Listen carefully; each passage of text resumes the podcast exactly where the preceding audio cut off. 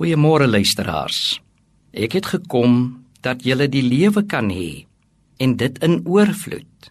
So getuig die Here Jesus in Johannes 10 vers 10 oor die rede waarom hy na ons kom.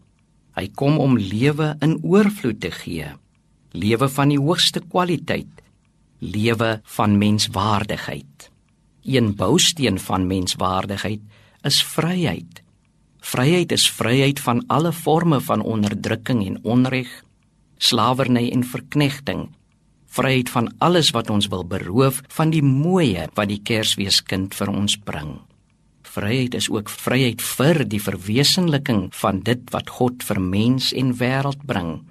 Vryheid vir vryheid om te dien, vryheid om vervulling te ondervind, vryheid om God te eer en om God se mense en skepsele heilsaam te dien.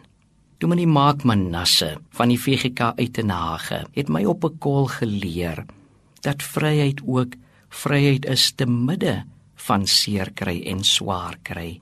Vryheid te midde van sukkel en stikkindheid, van leed en lyding. Vryheid te midde van angs en vrees, vryheid te midde van duisternis en donkerte. Kom ons bid saam. Liewe Heer, laat elke mens die vryheid wat U bring konkreet ervaar. Vryheid van, vryheid vir, vryheid te midde en selfs ten spyte van om Jesus ontval. Amen.